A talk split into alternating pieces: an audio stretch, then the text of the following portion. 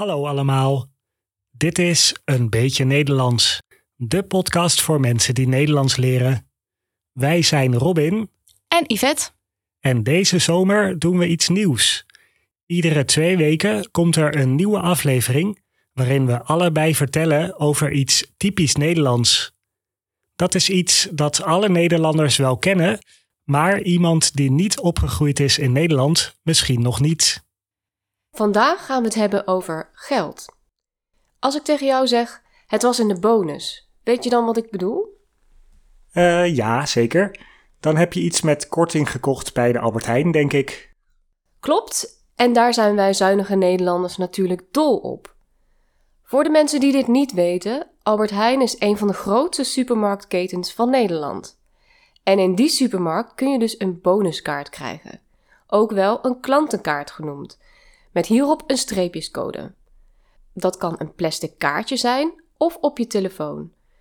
Als je de bonuskaart scant, dan krijg je korting op producten die op dat moment in de aanbieding zijn, oftewel in de bonus.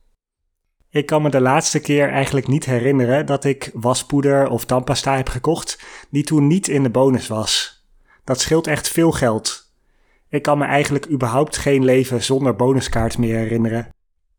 Dat kan wel eens kloppen, want de kaart bestaat al sinds 1997. Een paar jaar later kon je met de kaart persoonlijke aanbiedingen krijgen op basis van wat je eerder gekocht hebt. Dus Albert Heijn houdt zo bij wat je koopt. Ja, en dat is iets waar we misschien niet zo bij stilstaan. Maar zo'n kaart is dé perfecte manier voor de winkel om gegevens te verzamelen over wat wij allemaal kopen. Zo kunnen ze hun promotie hierop aanpassen en ook de producten. Hier is nog wel eens kritiek op geweest. Wat gebeurt er precies met al onze gegevens? Een grappig feitje om ook even te noemen: de eerste klantenkaarten ontstonden al in de 19e eeuw. Dan kregen klanten een stempel als ze iets kochten en dit konden ze dan inleveren voor korting. De moderne klantenkaart ontstond in 1980 met de introductie van Air Miles in het Verenigd Koninkrijk. In Nederland in 1994.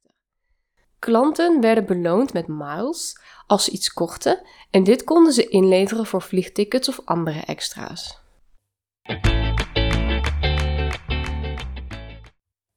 Voor mijn onderwerp gaan we het ook hebben over iets waarmee je niet kan betalen, maar tot 1 januari 2002 kon dat nog wel. Veel van de Europese luisteraars zullen deze datum wel herkennen. Op dat moment kregen we namelijk de euro als betaalmiddel. Ik wil het hebben over de munt die we daarvoor hadden, de gulden. Kan jij het je eigenlijk nog herinneren, de gulden?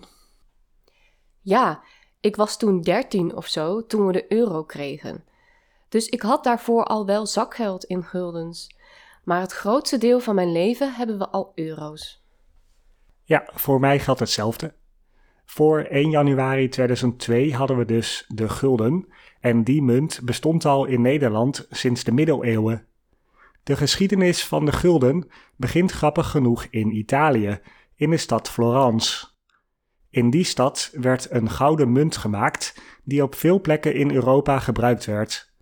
Ook in Nederland werd deze munt veel gebruikt en hier werd het de gulden florijn genoemd, oftewel de gouden munt uit Florence. In de loop der tijd werd het gewoon simpelweg gulden genoemd. Een van de leukste dingen van de gulden vind ik de vele bijnamen die er waren voor de verschillende munten en biljetten. Zullen we kijken of je ze nog allemaal weet? Oké, We gaan van laag naar hoog, dus we beginnen met 5 cent. Weet je nog hoe die heette? stuiver? Ja, 5 cent heette een stuiver en dan 10 cent. Oh, een dubbeltje. Helemaal goed. En dan 25 cent. Oh, een kwartje. Ja, en die heette ook wel een heitje. Daar komt de uitdrukking een heitje voor een karweitje vandaan. Dus als je een klusje deed, dan kreeg je een kwartje, oftewel 25 cent, en dat heette dus een heitje. De volgende 1 gulden. Een piek? Ja, ook helemaal goed. En dan daarna eh 2 gulden 50, daar was een munt van. Een rijksdaalder? Ja, eh, of ook wel een knaak. En dan de briefjes. Eh 10 gulden. Nee, dat weet ik niet. 10 gulden werd ook wel een joetje genoemd. En 25 gulden. God, nee? Nee? Geen idee. Die werd ook wel een geeltje genoemd. Vanwege de gele kleur van het biljet. En eh 100 gulden. Oh, wat slecht. Nee, ik weet het niet. 100 gulden werd ook wel een meier genoemd. Of een snip. Een snip is een soort vogel. En eh, die stond op het biljet van 100 gulden. En tenslotte, die kwam niet zo heel vaak voor. Of die zag je niet zo heel vaak. Maar er was ook een biljet van 1000 gulden. Groen of zo? Bijna goed, het was wel een kleur, maar het was rood. Dus de, het biljet van 1000 gulden werd ook wel een rode genoemd. Goed gedaan hoor. Nog een leuk feitje is dat het gat in het midden van een cd precies de grootte is van een dubbeltje, van het 10 cent muntje dus. Dat komt doordat de cd door Philips is uitgevonden, een Nederlands bedrijf. Oh, leuk. Dat wist ik nog niet. En nog een leuk feitje om mee te eindigen. Wist je dat er ergens op de wereld nog met guldens betaald wordt? En het is niet in Nederland. Oh, echt? Waar dan? Op de eilanden Curaçao en Sint Maarten is de Antilliaanse gulden het betaalmiddel. Dat komt omdat die eilanden in Zuid-Amerika onderdeel zijn van het Koninkrijk der Nederlanden, maar niet de euro hebben gekregen.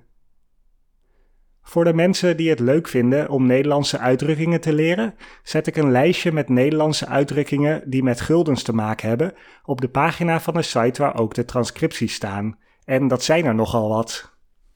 Daarmee komen we aan het einde van deze aflevering van Een beetje Nederlands. We hopen dat je een beetje Nederlands geleerd hebt en tot de volgende aflevering.